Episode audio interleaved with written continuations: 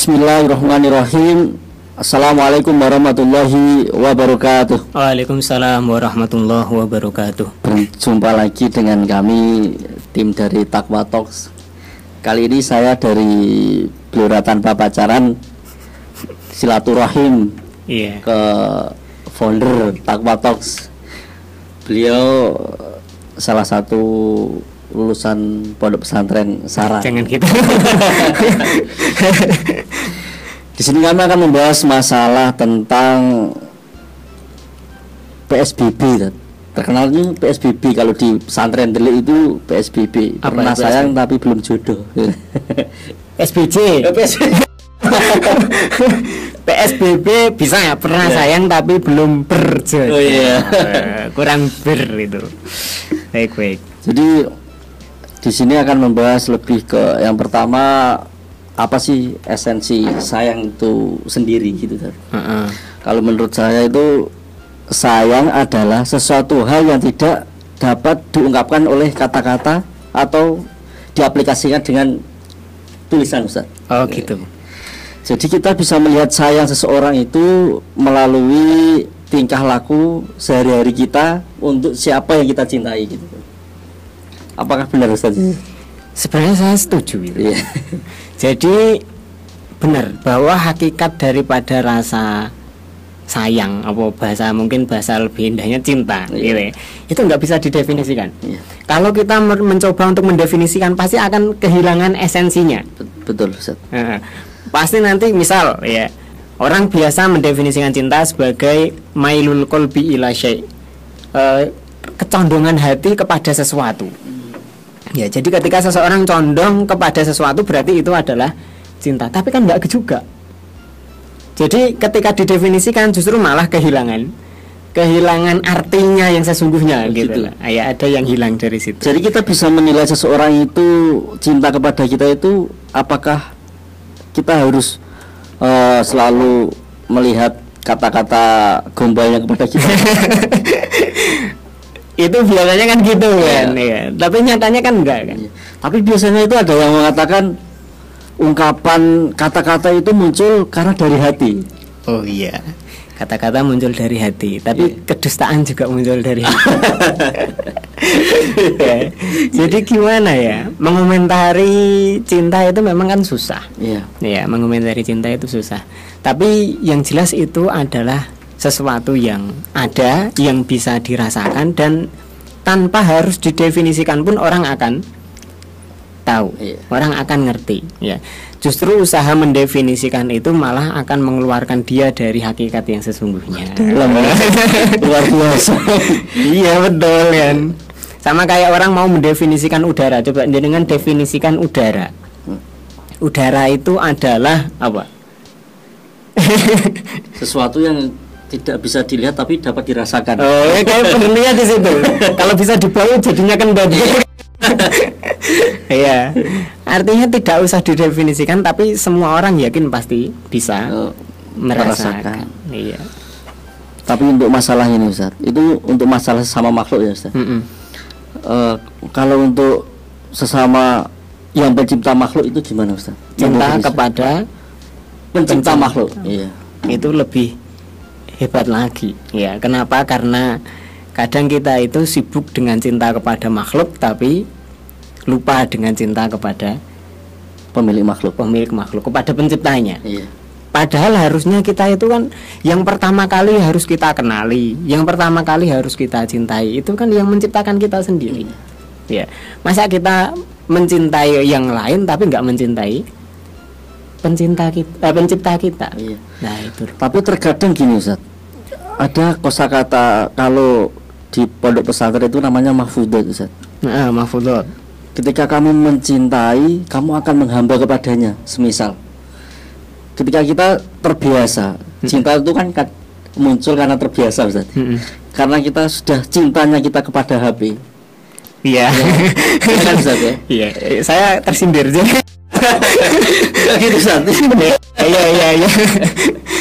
Gimana gimana? Jadi ketika kita sudah sangat mencintai sesuatu hal, contoh misal kita sudah Mm-mm. terbiasa membawa HP. Mm-mm. Bahkan kita ke mana-mana kalau nggak bawa HP itu rasanya gimana gitu? Iya, iya. Seperti hanya laki-laki Ustaz. Heeh. Kita ketika sudah mencintai bu, sudah mencintai burung, Heeh. itu itu. Iya iya iya.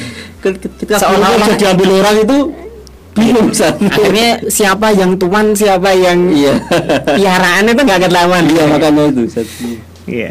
Jadi kalau kalau dirinya terluka nggak apa-apa, tapi kalau udah burungnya yang terluka, iya betul sekali.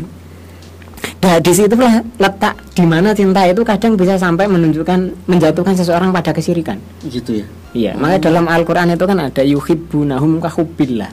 Orang-orang musyrik itu mencintai sembahan-sembahannya sebagaimana mereka mencintai Allah. Gimana itu maksudnya Ustaz gimana? Ya tunduknya kepada sesembahan itu udah sangat luar biasa. Hampir sama seperti mereka tunduk kepada kepada Allah. Nah, kita ketika mencintai sesuatu jangan sampai seperti itu. Ya, cinta sama seorang biasanya kalau cinta itu kan tetap diarahkannya ke yang lain ya, ke Iya, wanita betul. kayak ini. Kalau ada orang yang mencintai wanita terus sampai tunduknya itu wah sama seperti dia tunduk kepada Allah. Atau mungkin bahkan lebih dari itu. Ya ini bisa menjatuhkan seseorang kepada kesyirikan. Seolah-olah dia sudah menghamba kepada cinta atau kepada wanita itu. Kalau dipanggil sama eh, yang dicintai langsung siap Iya. ya dipanggil sama Allah Tapi ada Iya kan? ada yang membantah gini juga Ustaz. gimana itu Saya taat kepada dan saya sayang kepada eh, makhluknya Allah itu kan sa- sama saja juga mencintai Allah. kenapa Karena dia penciptanya Ustaz. Oh gitu. Sama kayak kita mencintai barang yang dicipta oleh seseorang, Oh, berarti iya. kita mencintai yang mencipta gitu. Iya. Gimana itu? Boleh, bisa, tapi harus dengan aturan yang Nah, mencipta. ini yang penting ini. Loh, kan gitu. Ini anak-anak muda kan kita nggak tahu Ustaz. Aturannya itu seperti apa, batasannya itu seperti apa gitu. Mm-mm. Kadang kita itu mencintai istri itu lebih mencintai istri daripada Allah Subhanahu wa taala gitu. Ustaz.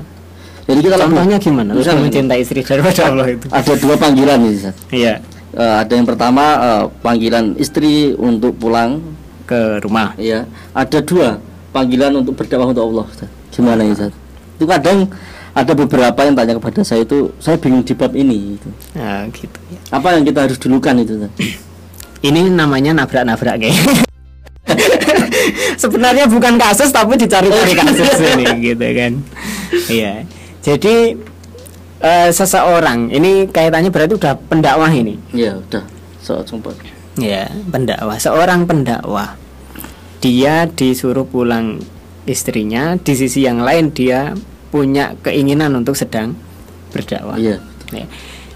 Ini sebenarnya bisa dilihat dari berbagai macam segi. Kita nggak bisa nyalahkan istrinya Hmm. atau nggak bisa nyalahkan dakwahnya, karena berkali-kali kita akan ketemu orang yang alasannya itu dakwah, Betul. tapi sebenarnya pengen menghindari istrinya.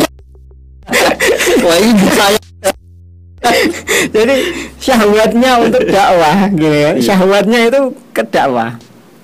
Ya, tapi kemudian itu tadi alasannya itu karena pengen menghindari berarti kita harus proporsional ya. Iya proporsional karena nyatanya Allah itu memang memerintahkan kita untuk dakwah, iya kan? Tapi Allah di sisi lain juga memerintahkan kita untuk menunaikan hak-hak keluarga kan gitu. Ya. Lah- Jangan-jangan dia niatnya tadi dakwah tapi dalam hatinya itu pengen lari dari kewajibannya terhadap istri itu bisa juga kan gitu. Di sisi yang lain kalau misal semuanya sudah proporsional kok istri nggak nggak suka dengan itu lah ini baru padahal hak dia sudah dipenuhi kewajiban-kewajiban si suami juga sudah dilakukan Hmm. Nah, terus si istri masih apa ya nggak bisa memahami itu karena mungkin memang ya saya tuh nggak suka kalau kamu dakwah ya baru itu namanya ini tadi baru masuk kasus yang tadi Oh iya, Ustaz. Eh, kembali lagi dengan tema kita Ustaz. ya. Iya. Sampai ke mana? Karena kalau kayaknya dari judul pernah sayang tapi belum berjodoh itu kan lebih ke yang belum nikah kan? Iya. Apa Gimana? ketemu mantan jadi nyesal gitu Ustaz? Tapi kata saudara kita Bang Tama itu boleh patah hati tapi harus bangkit. Oh, oke. Boleh patah tapi harus disambung. tapi biasanya sambung itu sama asli dari tidak sambungan itu berbeda Ustaz ya. oh iya. Ya, Heeh. misal kabel itu kalau langsung dari ujung gini sama disambung itu tekanannya itu memang beda Ustaz. Oh gitu. Gak tahu saya. Bukan ahli perkabulan. Eh, gini ada orang yang bilang. Ya tapi memang memang hakikatnya kayak gitu. Bahwa cinta itu tidak diminta. Gitu ya. ya. Cinta itu berarti tumbuh dari hati. Dari dan hati. kita tidak tidak meminta kita tidak bisa mengusahakan itu. Ya kan? Nggak bisa menghindari juga. Dia tumbuh begitu saja. Ya kan? Iya. ada seseorang melihat sesuatu yang tiba-tiba terus dia wah saya seneng ini. Nah, Ya. Ini apa pun, entah benda, entah orang, entah apa pun. Ya. Misal orang yang podcastan, Iya. ya kayak kita ini, ngerti mic itu bisa, uh, kok bagus ya. Iya. ini kan dia cinta kan, Iya. cinta. Hatinya cenderung kepada itu, dan itu tidak dia usahakan, tidak dia minta. Ya, seorang laki-laki ketemu dengan perempuan pun akan jadi seperti itu. Hmm. Tanpa dia usahakan, tanpa dia minta. Bahkan kadang ini contoh aja. Ada perempuan, kita kan eh, biasa ya menilai ini cantik kalau menurut saya. Iya. Menurut orang lain enggak. Hmm. Ya. Terus ketika seseorang cinta dengan perempuan yang notabene menurut kita itu enggak cantik gitu kan Iya. itu tuh nggak cantik. Nah, ayo, we. Iya. Menurut dia kan tetap itu cantik. Saya tuh cinta sama dia. Uh, akeh sing luwih cantik gitu kan. Karena cantik itu kan relatif katanya Iya. seperti itu. Kat- Tapi kata teman saya mutlak. ya, jadi dia tidak diminta, dia tidak di apa tidak ditanam, dia tumbuh dengan sendirinya. Maka sebenarnya cinta itu yang tumbuh dengan sendirinya ini ini nggak ada salahnya. Hmm. Yang salah, Yang salah itu ekspresi. jadi yang salah itu mengekspresikan cinta kita Ya, ya? ekspresi terhadap cinta itu yang bisa dipersalahkan. Wah, ini Kalau cintanya nggak bisa dipersalahkan. wah ini ini berat ini. saya cinta Berat dengan ini. saya cinta dengan dia itu apakah dosa atau enggak? Enggak. Oh dia tumbuh begitu saja kok dan tumbuhnya tentu karena Allah kan. Allah Betul. yang menumbuhkan. Itu ujian. Wah, Ya. Masalah nanti ekspresinya. Lah ini loh yang bisa dosa. Kamu cinta sama dia ekspresimu apa? Melakukan hal-hal yang diatur oleh Allah atau tidak? Kalau yang diatur ber- berpahala. Iya. Kalau tidak menjadi do dosa. Jadi cintanya nggak menjadi dosa, tapi yang menjadi dosa adalah eks Ekspresi. ekspresi. Wah, ini penting sekali ini. Oh, ini penting ini. Kalau membahas cinta itu nggak ada habisnya Ya, hanya ya, Ustaz ya. Gitu. Ustaz, eh, pendapat Ustaz tentang menikah itu adalah nasib. itu gimana? Menikah adalah Nasib. maksudnya gimana itu? Jadi gini. Coba. Menikah itu adalah nasib, cinta itu adalah takdir. Mm-mm. Kamu bisa menikahi siapa saja, tapi tidak bisa cintamu untuk siapa.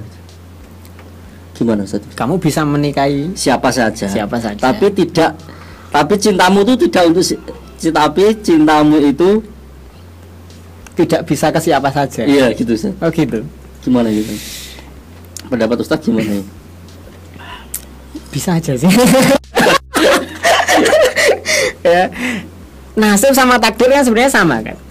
Gitu ya? Iya. Oh. Nas- nasib itu kan pemberian. Mm-mm. Ya, takdir juga Pemberian. pemberian karena itu ketetapan tidak bisa dipersalahkan ya tidak bisa dipersalahkan Iya, ya termasuk tadi cinta kan nggak salah. Betul. yang salah itu eks Ekspresi. ekspresi. Nah, ya, ini- misal ada orang dingin ya. Ya kan ya kan.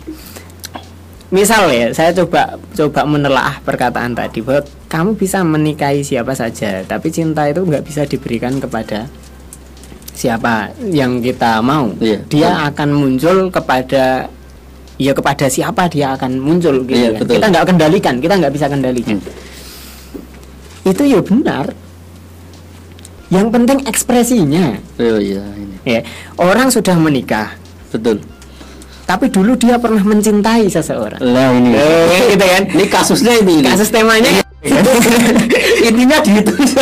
Ini tema yang mengeluarkan kan jenengan. Waduh. Apa ini pengalaman pribadi? Jangan dibuka. ya. Baik, ini nanti istrinya tolong jangan ya. Jadi misalkan gini. eh, seseorang sudah menikah, tapi kemudian karena dia dulu pernah mencintai seseorang, ya, tapi dia tidak bertemu dalam pernikahan, Ya. ya, karena satu hak dan lain hal. Takdirnya memang begitu, tidak harus bertemu di pelaminan kan gitu. Kalau dia masih mencintai, apakah itu salah? Sekali lagi, cinta itu tidak, Tidak diminta. Cinta itu tidak bisa dikendalikan. Ya, yang bisa dikendalikan adalah ekspresinya. Oh. Mungkin dia bisa saja bersanding dengan eh, seorang istri, ya. Tapi kemudian cintanya masih kepada yang lain. Nggak salah dengan itu. Nggak ada yang salah dengan itu. Yang akan jadi salah terus dia stalking. Terus dia apa namanya eh, malah menjalin hubungan yang gelap lah ini ya oh enggak enggak gelap kok wong Terang-terangan. Itu lebih parah lagi gitu.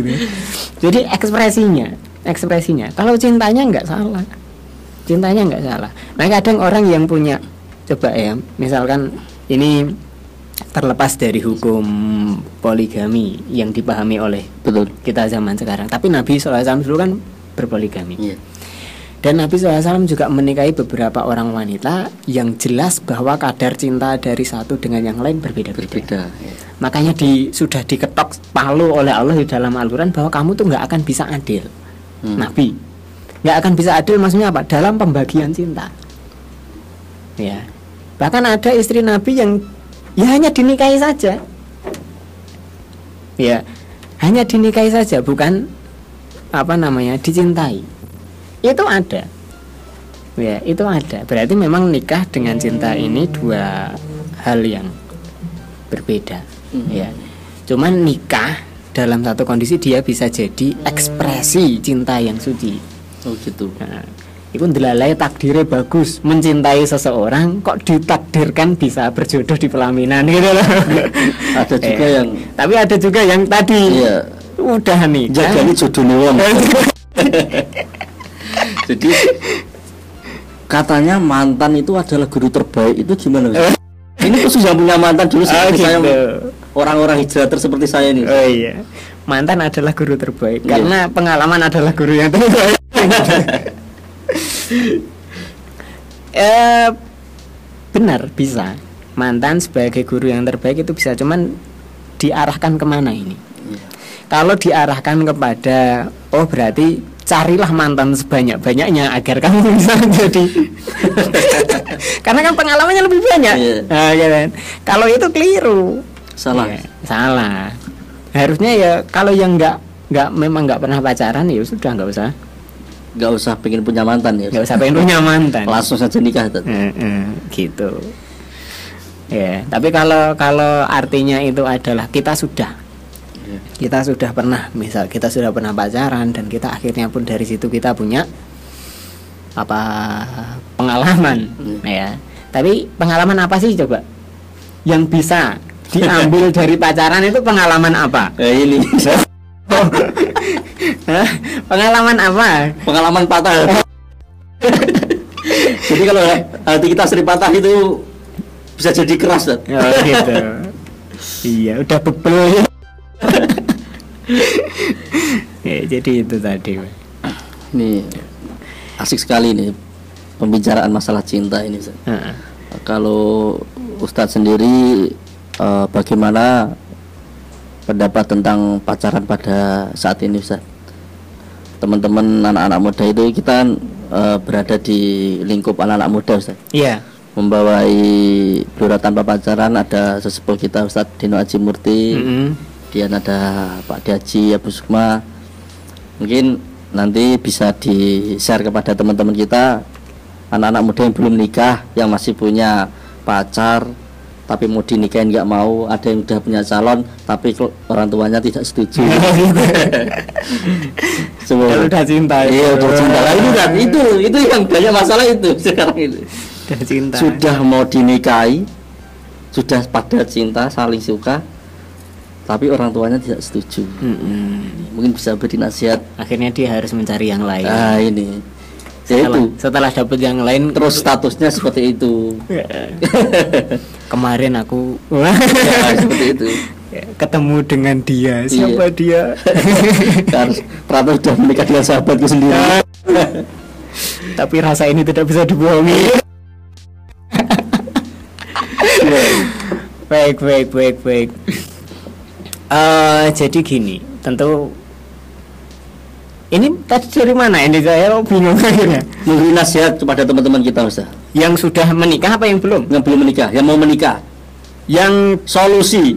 Di saat saling cinta tapi orang tuanya tidak setuju juga termasuk. Ya kemudian ada yang menunggu kepastian dari pacarnya lah Mm-mm. seperti apa. Kita apakah harus tinggalkan terus kemudian kita cari yang lain atau seperti apa. Iya. Eh, kalau men- memberikan solusi ini kan tidak bisa sama betul karena setiap orang punya kasusnya Iya. dan ada variabelnya masing-masing. Maka saya sering kali mengatakan teori agama itu gampang. Kenapa? Karena variabelnya hanya satu.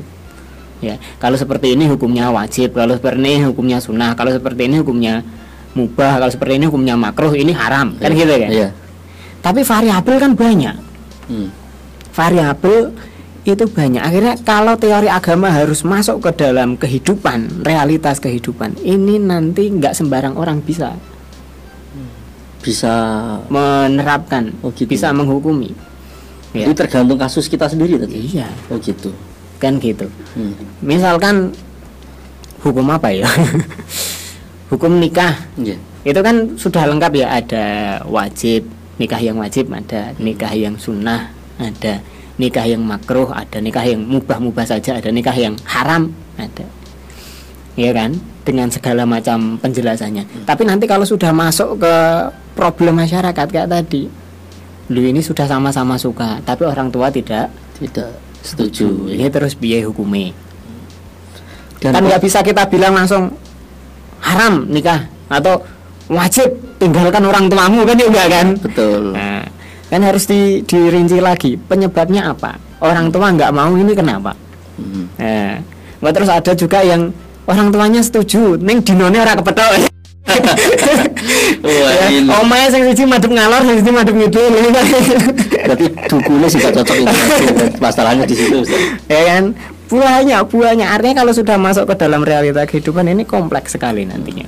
Ya kompleks dan kita nggak bisa eh, memutuskan satu persatu tapi yang jelas ya yang jelas bahwa tadi nikah eh cinta itu tidak bisa dikendalikan dan jodoh itu sudah ditentukan Sebelum kita lahir ya. Sebelum kita lahir ya kalau di hadis eh, kita itu 40 hari dalam bentuk apa namanya nutfah Nutfah. Ya. Nah, terus setelah itu 40 hari bentuk alakoh Oh.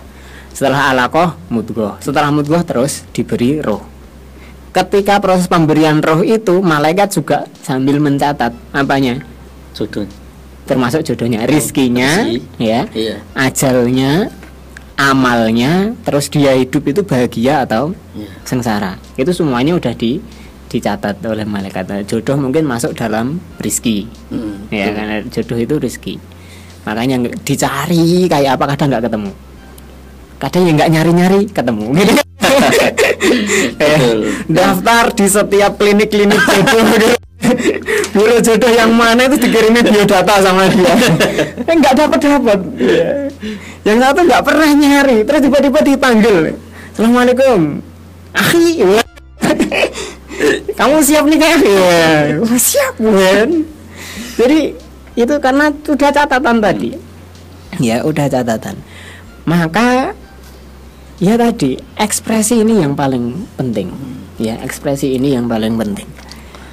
Usahakan apa pun ekspresinya mau sudah nikah ataupun belum nikah ekspresinya harus tetap ada koridor yang sudah ditentukan oleh Allah.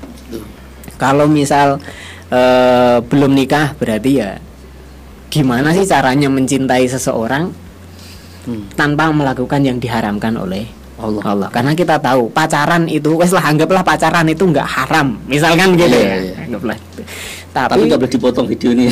eh nggak boleh nanti dipasang pacaran nggak haram ya pacaran total. itu udah- anggaplah pacaran itu nggak haram Iya. tapi arahnya itu banyak kotorannya di sana Hmm, gitu. iya kan Iya. pasti banyak kotorannya mulai dari terus lah saya kan nggak ngapa-ngapain chattingan coba kamu cek chattinganmu itu menambah ketakwaan apa enggak Wah ini. kalau dengerin Kalau takwa chattingan- kan jelas gitu Kalau chattingnya bangunin itu aja itu satu. chattingan ba- bangunin sholat tahajud itu modus apa enggak oh Anak-anak muda sekarang pacaran syar'i katanya Ustaz. iya kan iya dia jadi alarm kan. Alarm. jadi sekarang aplikasi-aplikasi itu dihapusi. Iya. kenapa? Karena sudah diingatkan sama pacar. Tapi pacarnya juga modus. Hmm. masnya modus gimana? Karena dia nanti gini. Apa namanya? Ah bangunin ah biar kelihatan soleh. Ini walaupun nggak diucapkan tapi hatinya masing-masing bisa ditanya. Oh, gitu. iya gak? wah bangun tahajud.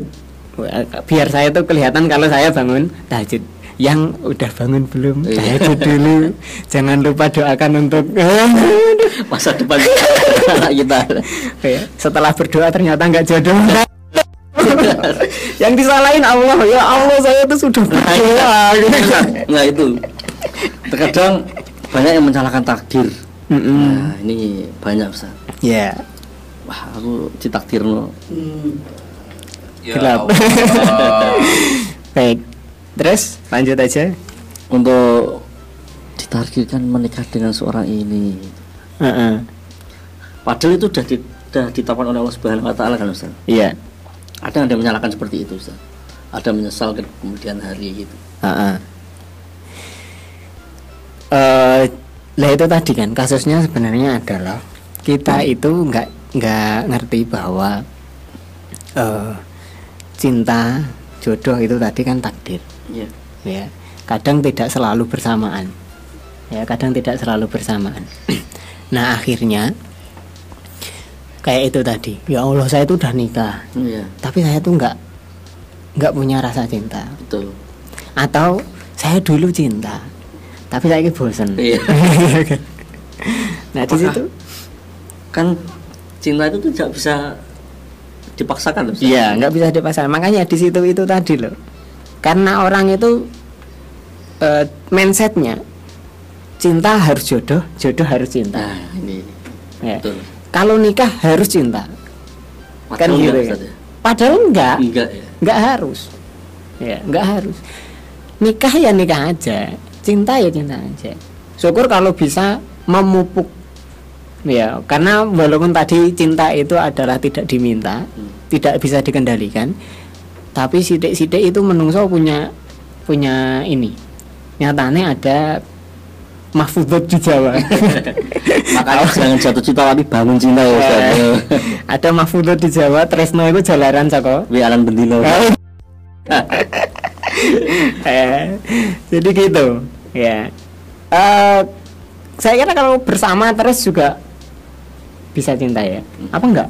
Kamu malah tambah enak ya yang penting ekspresinya. Ya yang penting ekspresinya. Bahwa kadang ada orang yang harus bersatu ya dalam satu ikatan yang namanya pernikahan tapi tidak tidak ada rasa cinta itu bisa saja. Tapi gini orang yang beriman orang yang bertakwa dia tetap akan menjalani kehidupan pernikahannya. Iya. dia akan menjalani kehidupan perjodohannya itu dengan eh, niat keriduan Allah. Iya kan? Betul. karena kita itu dalam dalam hidup ini kan nggak hanya syukur. Bab yang dilupakan sama orang hari ini seolah-olah hidup itu hanya syukur. Gitu ya. padahal enggak. Hidup itu ada syukur ada juga sabar. Syukur dan sabar. Nah, jadi kalau misal diberi ini langsung menu, menukik ya. Iya. Misal diberi eh, udah punya jodoh, sudah nikah dan lain sebagainya. Awalnya cinta jadi nggak cinta, ya. Atau awalnya nggak punya rasa sejak awal nggak punya rasa cinta sama sekali yo wes lah gitu loh Lakoninya yang satu ya. iya enggak Terus gimana ya? gimana ya? Gimana ya? kalau misal pasangan kita nggak ada salahnya apa-apa Iya. Ya nggak ada salahnya apa-apa nggak usah dicari salahnya juga gitu ya Karena nggak ada yang sempurna ya Ustaz ya. Heeh. artinya bisa dipertahankan hubungan itu masih bisa dipertahankan maka pertahankanlah dengan ketakwaan kepada Allah Iya. ya makanya Nabi SAW kan kalau ngomongkan masalah jodoh Betul. ya itu kan suruh milih laki-laki yang bertakwa Iya. kenapa kalau dia mencintai anakmu dia akan memuliakannya kalau dia tidak mencintai anakmu dia tidak akan menzoliminya Loh, Ya, gitu loh Masalahnya ini Ustaz. apa Hal itu terjadi ketika sudah menikah Ustaz. lah iya Jadi sudah menikah baru tahu ilmu itu Ustaz. Nah ini berarti tinggal dipraktekkan kan banyak itu kasus seperti itu banyak. Iya. Makanya motivasi menikah itu sebenarnya kan banyak. Walaupun hari ini motivasi menikah itu hanya satu, seneng. Sepenting senang. Iya. Padahal motivasi menikah itu banyak. Ya. Dan Nabi SAW sudah contohkan semua. Motivasi cinta ada. Motivasi menjalankan perintah Allah ada. Motivasi politik ada. Iya kan? Iya. Nabi dalam rangka mengeratkan kaum ini dengan kaum itu akhirnya di dinikahilah anak Nah, ya. pemukanya. Loh. Jadi motivasi apa banyak motivasi nikah itu. Banyak sekali. Nggak hanya aku seneng kok. Loh. Tapi memang mayoritas orang itu nikah hanya gara-gara senang. seneng. Nah, ketika orang Senangnya kok nikah hanya gara-gara seneng, senengnya habis cerai kan gitu kan. Kayak kayak artis-artis itu. ya, pas awal-awal nikah kayaknya wah wah wah tapi terus Betul. pupus begitu saja. Nah, maka itu perlu dibentuk. Lah kita harusnya motivasi nikah itu kan Apa yang takwa, ketakwaan. Belalai kok pas wong sing disenengi, alhamdulillah. Kalau yang tidak ya harus bersabar ya. Nek enggak ya piye? nah, ini masalahnya masalah cinta eh pernah sayang tapi belum Jodoh. berjodoh. Ini sebenarnya pernah dikisahkan di Seterata. Oh iya. Ya. Jadi tahu. Wah, makanya nanti download Spotify. Oh, iya. Terus langsung cari Takwa Talks ya. Di salah satu episode Strata. Jadi kita punya segmen khusus namanya Strata. Itu adalah singkatan dari story takwa kita. Hmm. Di situ Mbak Devi kebetulan harusnya tadi jadi MC, tapi karena cuaca dan lain sebagainya nggak bisa datang. Eh, dan Mas Yusuf itu membawakan satu cerita. Judulnya kalau nggak salah adalah Salman Al Farisi mengikhlaskan cinta. Ya. Wah, ya. Nanti tinggal dicari itu ceritanya. Karena kalau saya, karena kalau saya cerita ini nanti pasti nggak enak. Tapi tetap akan saya ceritakan. Iya. Sedikit aja Ustaz. Ya. Dikit aja ya. Daripada penasaran. Jadi Salman Al Farisi itu dia kan orang Persia. Hmm. Terus dia hijrah ke Madinah demi bertemu dengan Rasulullah SAW, bertemu dengan Nabi. Ketika di Madinah itu dia senang dengan salah seorang wanita di Madinah. Tapi Salman Al Farisi nggak berani ngomong, Mengungkapkan nggak berani mengungkapkan. Kenapa? Ya selain karena agama itu ada aturannya bahwa seseorang kalau senang dia harus apa namanya khidbah ya Iya. memulai dari lamaran khidbah nazar apa nazar melihat. Nah, setelah melihat nggak usah direview ya. Apalagi unboxing. Nggak boleh belum. Cek lokasi. ya nikah kan gitu. Setelah nikah baru boleh unboxing gitu, Oh, ya. gitu. nggak boleh direview juga. Ya akhirnya Salman Al Farisi ini bingung budayanya orang Madinah tuh gimana sih pastinya kan berbeda dengan budayanya orang Persia Iya. ya agamanya aja beda kok kalau Persia kan terkenal dengan majusi nah akhirnya Salman Al Farisi daripada dia pusing-pusing dia nyarilah eh, seorang teman yang ada di Madinah itu. Dia kenal dengan Abu Darda. Darda. Ya. Sama Abu Darda dikasih tahu. Saya itu senang dengan seorang wanita Madinah. Wah Abu Darda senang. Alhamdulillah kancaku ameh mengakhiri kejombloannya gitu kan. Ya. Akhirnya dia akan diwisuda. diwisuda. Baik terus akhirnya setelah itu eh, Salman Al Farisi minta agar Abu Darda menemani Hmm, ya. ya menemani khidbah itu. Termasuk menjadikan ya jadi wakil lah. Kalau ngomong sendiri kan agak susah Iya. ya bahasanya juga bahasa Persia belum bisa bahasa Arab. Akhirnya benar didatangi sama Abu Darda. Abu Darda tanya sama eh, orang tuanya. Anaknya di- ditaruh di belakang. Karena Salman Al Farisi nggak pacaran ini. Iya. Iya kan? Anaknya di belakang sama ibunya bapaknya di depan Eh, Abu Darda bilang dengan bahasa Arab yang fasih saya pakai bahasa Indonesia aja karena nanti nggak bisa dipahami Eh, bapak ini saya datang dengan saudara saya Salman Al Farisi dan kami berdua ini adalah sahabat Nabi SAW Bahkan Salman Al Farisi diakui oleh Nabi sebagai bagian dari Ahlul Bait. Peristiwa itu terjadi ketika perang Khandaq. Ya, Salman Al Farisi adalah dari golongan Ahlul Bait. Nah, kami eh, saya selaku wakil dari saudara saya ini meminta eh, untuk apa namanya bisa menikah dengan anak bapak. Terus Eh. menarik gitu ya. Iya menikah untuk eh, menikahi dengan anak bapak. Ya terus bagaimana jawaban bapak kan gitu. Nah, akhirnya bapak si perempuan itu jawab, ya Alhamdulillah segala puji bagi Allah kalau sampai kami kedatangan dua orang sahabat Nabi SAW yang mulia Iya. bahkan salah satunya tadi termasuk golongan ahlul Bait. bait diakui sebagai ahlul bait kami tentu akan sangat gembira sekali untuk menerimanya sebagai menantu Menantu. wah seneng Seneng ya. Eh. Wah, satu iki. Iya. Zaman saya ditekani kiai yo. Sabar, sabar, gitu. Ya terus tapi kata bapaknya tapi seperti wasiat Nabi urusan ini yang bisa jawab adalah anak saya saya harus meminta persetujuan meminta keriduan anak perempuan saya ya terus dialah yang bisa menjawab. Akhirnya terus eh, ibunya anak karena dia kan masih gadis ya anak perempuannya jadi masih malu-malu dia nggak berani jawab. Dia bilang sama ibunya ibunya baru menyampaikan.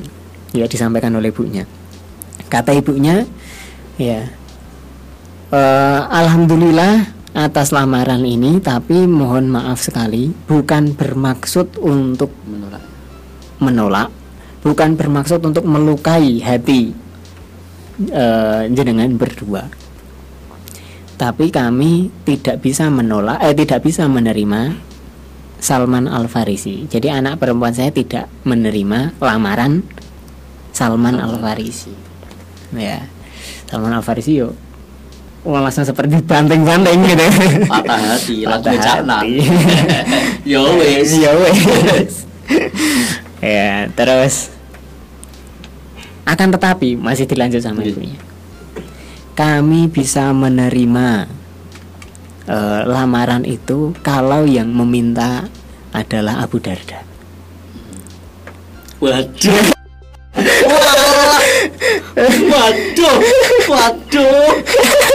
Si misal berarti Bang Tama sama Wisnu ya mau ngelamar satu wanita. ya Misalnya Wis, kayak A. Wisnu ngajak Bang Tama Iya. Bang Tama disuruh ngomong Iya, ternyata itu ambil yang Wisnu gitu berarti. yang diambil Bang Tamanya Bang Tamanya ya. yang seneng Wisnu Wah. Gitu kan. Iki dijagani jodone wong tenang. Duh. Enggak, enggak jaga nih kan dia enggak ini. Iya. Enggak enggak pacaran kan. Iya, nah. betul. Ya, jadi gitu. Terus terus kemudian gimana ya? Nah, yang yang jadi mengherankan kan ekspresinya Salman. Hmm. Ekspresinya Salman. Salman udah cinta banget. ya. dan dia harus tercabik-cabik jiwanya gara-gara apa ternyata dia hanya jadi tukang kurir bawain jodohnya Iya, berarti sudah dikisahkan ya, dia hanya jadi kurir tuh Pak. ini lebih lebih ngenes daripada kalau misal kita nikah terus itu nanti kan dari semua kasus yang kita bacakan tadi dari awal ini lebih ngenes kenapa dia bawa temen ternyata yang dipilih malah temennya, gitu kan. Ya. Tapi ekspresinya Salman. Ketika itu ekspresinya Salman bukannya muring-muring. Hmm. ya. Asam tenan bukannya gitu kan? Terus? Tapi dia malah justru bergembira. Alhamdulillah gitu kan? Terus bilang sama Abu Darda ah, Abu Darda saya turut berbahagia atas hari pernikahanmu. Ya hari pernikahan tapi nggak bilang tak tunggu rondomu gitu. ya. saya turut berbahagia dengan hari hari pernikahanmu ini. Semoga barokah semoga ini, didoakan kebaikan. Terus kata Salman untuk menikahi wanita ini saya sudah eh, nabung. Ya sudah saya sudah punya tabungan banyak untuk menikahi wanita ini. Tapi karena pun akhirnya saya nggak jodoh tapi kan cinta masih kan? Ya sudahlah. Semua tabungan saya saya berikan kepada Abu Darda untuk nafkah mencintai itu tadi, ya, untuk nafkah nikah. Oh, iya, iya, iya. itu ekspresinya. Salman. Jadi dari dari jawaban Salman itu ini pernah sayang tapi belum jodoh ini eh masuk nggak? Masuk nggak? Masuk. Masuk sekali. masuk sekali. Ya. Jadi kalian eh, eh, yang sudah pernah menyayangi tapi ternyata belum ketemu dalam jodoh ya. Sekali lagi cinta itu apa tadi Wan? saya udah berkali-kali nyebut tidak bisa diminta tidak bisa dikendalikan. Tapi ekspresi daripada cinta itulah yang bisa dihukumi kalau itu sesuai dengan apa yang diatur Allah, maka itu akan mendatangkan keridhaan Allah. Tapi kalau tidak, maka akan menuai murka. Salman ketika itu, kenapa sih? Ya kan mungkin ada tanda tanya. Kenapa Salman berbuat seperti itu? Karena saking cintanya itu mungkin Ustaz. bukan. Karena saking cintanya, ya. Ya, karena cinta kan harus mendorong kebaikan bagi orang yang dicintai kan. Iya, betul. Ini perempuan butuh seorang penjaga, kan gitu kan? Ya, Maka dia wes lah ben dijaganya Abu Darda gak mau mau daripada eh, Mantap. ya kan? Kayaknya gini Ustaz. Podcast yang akan datang siapa jodoh Salman? kita perlu kita bahas ini. Ya. Episode ke selanjutnya ini cocok ini ya. Siapa jodoh Salman? Ah, bisa bisa bisa. Iya. Atau mungkin bukan pernah sayang tapi belum berjodoh. Iya. Tapi udah nggak jodoh tapi masih cinta. Kalau belum kan masih mungkin untuk jodoh ya. Iya, iya, iya. Sudah nggak? udah udah nggak jodoh tapi masih cinta gitu. Sudah nggak jodoh tapi masih cinta. Oh ya, saya, ini jadi baik lagi ya ke Salman ini tadi. Ya, Salman. Si kenapa Salman kok bisa berbuat seperti itu? Ini saya hanya berusaha menebak, tapi mungkin benar bahwa Nabi SAW kan pernah bersabda, La yu'minu ahadukum hatta yuhibba li akhihi ma yuhibbuhu li nafsihi. Ya. Ini berarti Salman sedang mengamalkan hadis itu. Ini masalah hati loh ini. tidak beriman ya salah seorang di antara kalian maksudnya imannya nggak nggak akan sempurna Hmm. sampai apa hatta yuhibba li akhihi sampai dia bisa mencintai sesuatu untuk saudaranya ma yuhibbuhu li nafsihi ketika sesuatu itu bisa untuk dirinya Salman senang kalau bisa punya gadis ini tapi takdir berkata lain Iya kan? Tapi takdir berkata lain. Maka dia bisa senang ketika gadis ini bisa dicintai, bisa dicintai, bisa jadi jogo, bisa jadi jodoh saudaranya. Loh, berarti keimanan Salman ini yang bermain di situ. Ya, keimanan Salman ini. Jadi enggak jangan lagi ada kasus nikahan. Ini kemarin sempat viral loh. Gimana? Nikahan laki-laki perempuan terus mantan si perempuan datang ke nikahan Tentang pernikahannya. terus si perempuan minta izin coba minta izin kepada suaminya ini please terakhir please terakhir setelah itu si perempuan yang dalam posisi ini posisi walimah loh Iya. memeluk mantannya wah naudzubillah kan Naudzubillah min Ah. dzalik. Berarti nikah nggak perlu dibesar-besarkan. ini berarti sesuai dengan anjuran pemerintah Waduh, eh protokol Iya. kesehatan.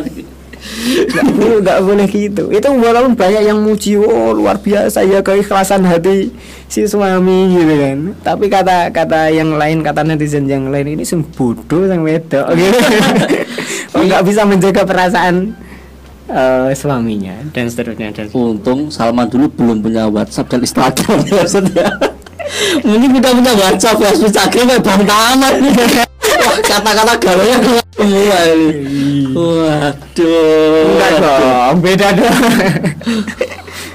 jadi gitu oh, ya bolehlah kita masih ya apa pernah sayang pernah sayang itu berarti masih sayang apa enggak sih Pernah sayang mas. Wah, masih sayang tetap. Masih sayang. Karena yang pernah yang pernah terlintas di hati itu gak bakal gak bakal hilang. Oh, gitu. Kata Bang Taman seperti itu. Ah, maka hati-hati kalau udah nikah orang punya mantan Waduh. ya Bahaya juga ya Ustaz ya. ya penting itu adalah ya ya nggak gitu juga Iya. nanti nanti jenengan sampai rumah itu istri ditanya kamu punya mantan berapa?" ya, yang penting itu ekspresi, dalam eh, mencintai itu tadi Hmm. ya jadi ya, ya sudah lah ya kalau kita masih dalam koridor itu tadi koridor yang ditentukan oleh Allah. Kita tidak menjadi hamba cinta tidak menjadi budak. Bucin ya cinta. Ya maka nggak masalah. Ya Kalau jodohnya orang yang udah diikhlaskan gitu aja ya Ustaz ya. jodohnya orang dari gimana gimana? Misal wanita yang kita inginkan untuk menikah di untuk kita nikahi tapi udah menjadi jodohnya biarlah menjadi jodoh. iya Ka- Kalau bisa disumbang yang banyak Ustaz ya. Seperti tadi ya. salaman itu iya iya jadi Diikhlaskan aja ya Ustaz.